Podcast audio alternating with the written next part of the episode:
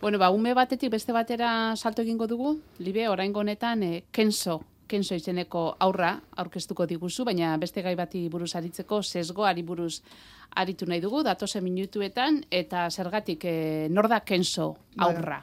Kenzo Brooks da e, Nueva Yorkeko aur bat, e, eta viralizatu da ikaragarri urte hasieran Disneyk argitaratu duelako pelikula bat, e, Encanto izenekoa, eta pelikula honetan, e, Kolombiar e, historian eta Kolombiar pertsona osatutako pelikula honetan, badago protagonista bat Antonio deitzen dena, eta Kenzo, aur nahiko e, itxura arrasealizatua daukana, nahiko ez, itxura arrasealizatua daukan aurrau, identifikatu da era bat protagonistarekin, Antoniorekin, ez da? Badauka antza daukate. Antza dauka, ikaragarria, ulea, urpegia, sudurra. Antonioren antza dauka Kensok. Eta bera identifikatu da. Eta orduan bere gurasoek hauek ere badaukate kontu bat ez horren arrakastatzua, baina de catching up with Kenzo, hau da, bat bere umearen kontakizuna egiten duna, igo dute argazkia Instagramera, eta viralizatu da pila, pila, pila bat, denok ikusi dugulako aurrau super emozionatuta identifikatu delako protagonistarekin. Bai, argazkian agertzen da bera, eta atzean dauka Antonio, eta ze posik, Antonio ni naiz, ez? Bai,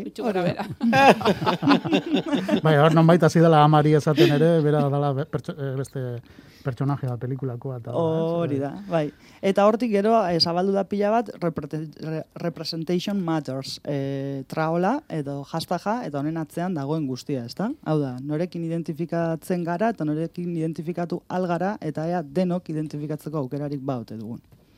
Eta hortik abiatuko duzu zure gorko asalpena, sesgoa, ez da? Zer da sesgoa? Bai. Errena, errenak, algoritmoen errenak. Zergatik ditu dute kankalde batera de bestera.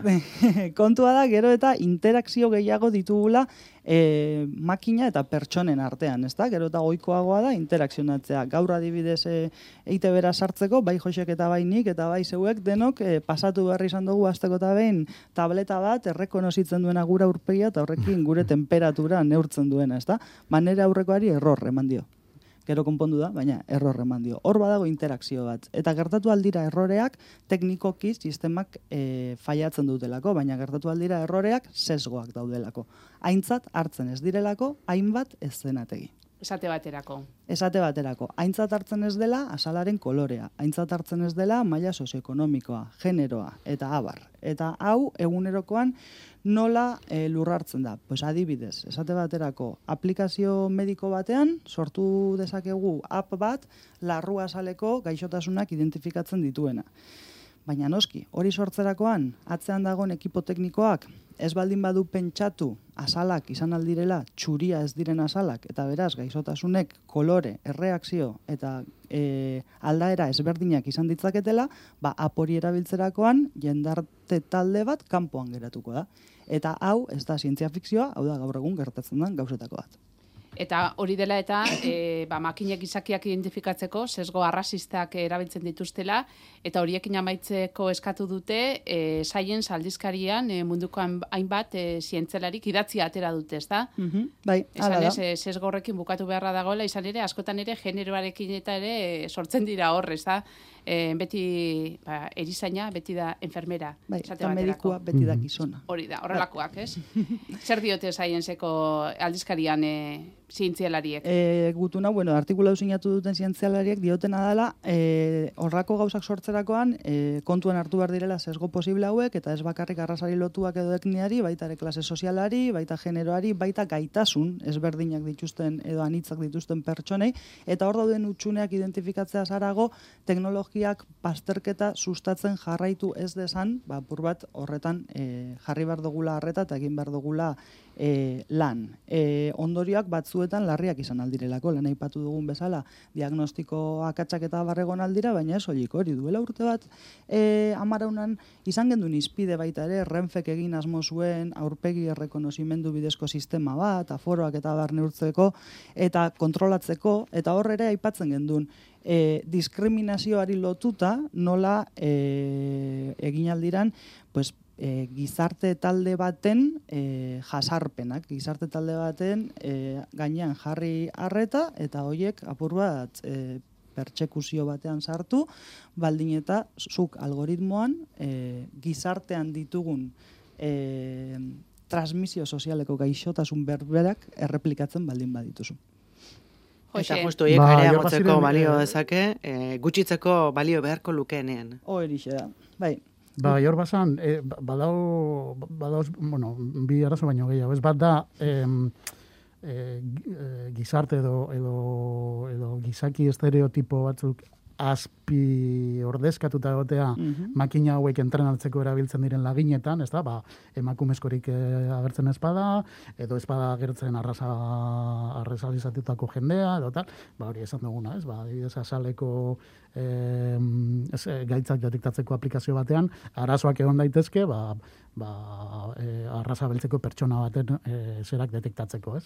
Baina gero dago, gero dago gure eske sesgoa ez da ez da makinarena, sesgoa da e, makina sortzen duenarena, ez? Formula matematikoa sortu E, duen hori da, hor bazegoen kasu bat, duela pare bat urte, egon zan tipo bat, ez dut orain gogoratzen izena, baina, bueno, e, ipuin moduan kontauko izu esertzeko. E, kontua zan zan, e, ikerlari bat gizonezkoa, txuria, e, kriston gizon puska, e, e, buruzoia, e, olako gauzak, e, olako sistemak entrenatzera dedikatzen zana. Prestatu zuten e, sistema bat jendea identifikatzeko, ez? Zu jarri kamera baten aurrean, eta sistemak esan, gizonezkoa zaren, emakumezkoa zaren, e, zenbat urte daukasun, eta bar, tipo, tipoak e, proba, proba ezberdinak egin zuen, eta e, e, ateraiakon adibidez, e, beraz hartu zuen e, sisteman e, bere argazki bat sukalde batean zegoena, eta sistemak esaten zuen emakumezkoa zala sukaldean zegoelako, ez? Bai, mm, e, e, orduan, em, ez da bakarrik e, jende mota zehatz bat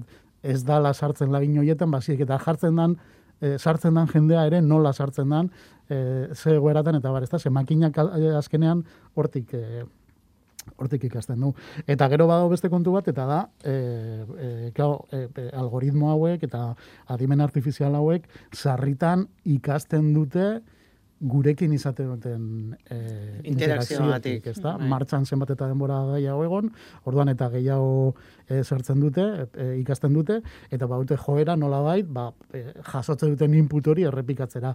Hor egon da e, gabonetan em, fenomeno bitxi bat replika deitzen dan e, e, aplikazio batekin.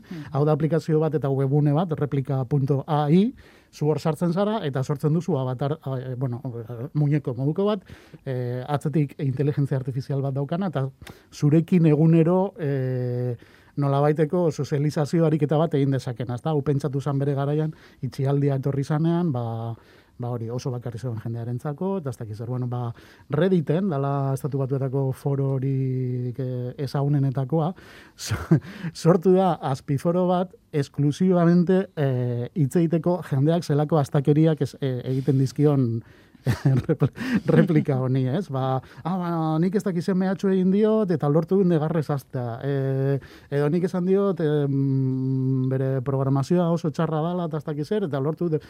Eta, e, klar, horrek dauzka, bi, bi arrisku. Bat da, makinak ikasi egingo duela e, jarrera oldarkor horretatik nolabait, eta e, replika honen erabiltzaileen kasuan adibidez, e, momentu baten, e, makina iritsi daiteke zuri termino berdinetan erantzutera. Eta, claro, e, e, segun ze momentutan harrapatzen zaituen, eta baldin bada, e, ba hori, itxialdian zaudelako edo dena delakoagatik, egunean daukasun e, interakzio e, bakarra edo gitxienetakoa, eta bera azten bada zure terminotan, ba, zuri irainak botatzen eta ez dakiz, ba, printzipioz laguntzeko asmo sortu dan gauza bat bihurtu daiteke e, oso arriskutsu, ezta.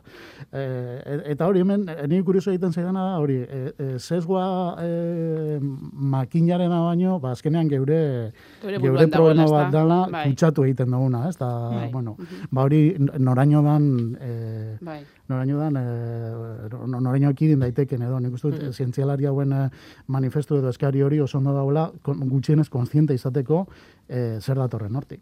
Bai, lantzea hemen hartzen dugu tarte bat, e, gai honi begiratzeko, Bai. Liberekin eta komeni da. Orduan, pare bat hilabete barru, berriz ere begiratuko, begiratuko diogu. Bueno,